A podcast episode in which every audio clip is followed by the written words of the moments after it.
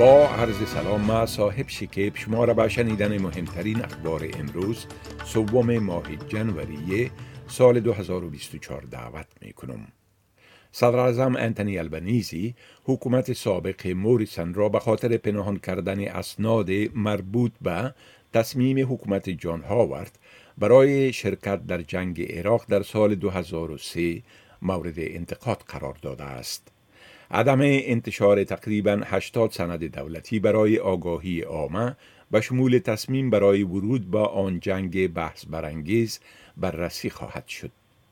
اسناد کابینه سال 2003 که روز دوشنبه اول جنوری نشر شد در سال 2020 توسط حکومت ائتلافی اسکات مارسن به آرشیف ملی تسلیم گردیدند اما آقای البنیزی اظهار کرده که حکومت قبلی در جریان این عملیه تسلیم دهی از فراهم کردن 78 سند خودداری کرده است.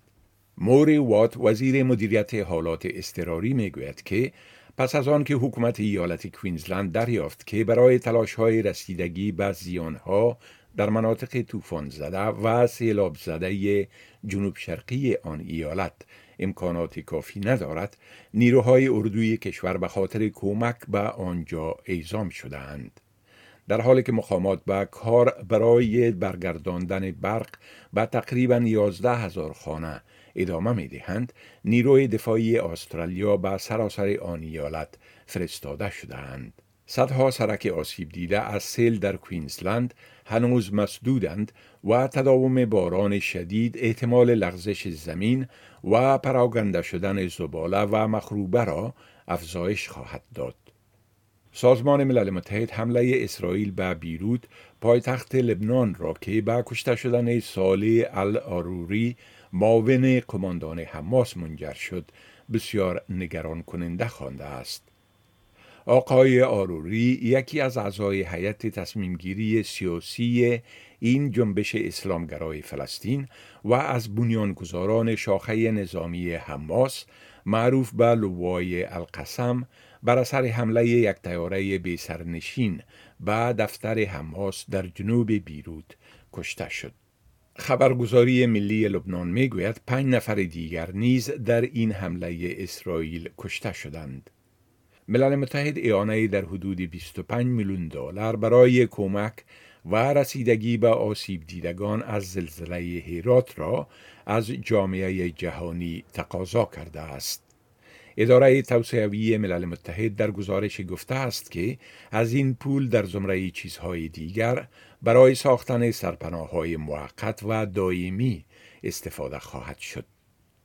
در چند زلزله با شدت 6.3 ریکتر بین هفتم تا 15 اکتبر در ولایت هرات و مناطق همجوار آن در حدود 1500 نفر کشته و بیش از 11 هزار نفر زخمی شدند. فومیو کشیدا صدر اعظم ژاپن با پنج خدمه ای که بر اثر تصادم یک تیاره محافظین ساحلی با یک تیاره شرکت هواپیمایی ژاپن در میدان هوایی هاندای توکیو کشته شدند اعدای احترام کرده است همه 379 سرنشین تیاره مسافربری پس از آتش گرفتن تیاره و یک تن از محافظین ساحلی سوار در تیاره دیگر از این حادثه جان به سلامت بردند. تیاره کوچکتر محافظین ساحلی درگیر در این حادثه برای رساندن امداد به قربانیان زلزله ویرانگر در سوایل غربی ژاپن عازم میدان هوایی ناحیه نیگاتا بود.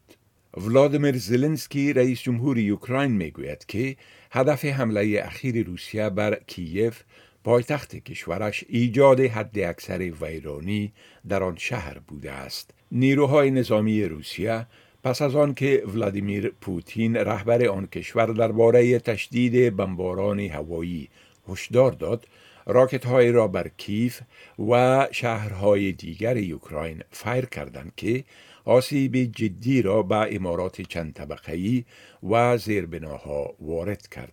این بود خلاصه از مهمترین اخبار از برنامه دری اس آدیو.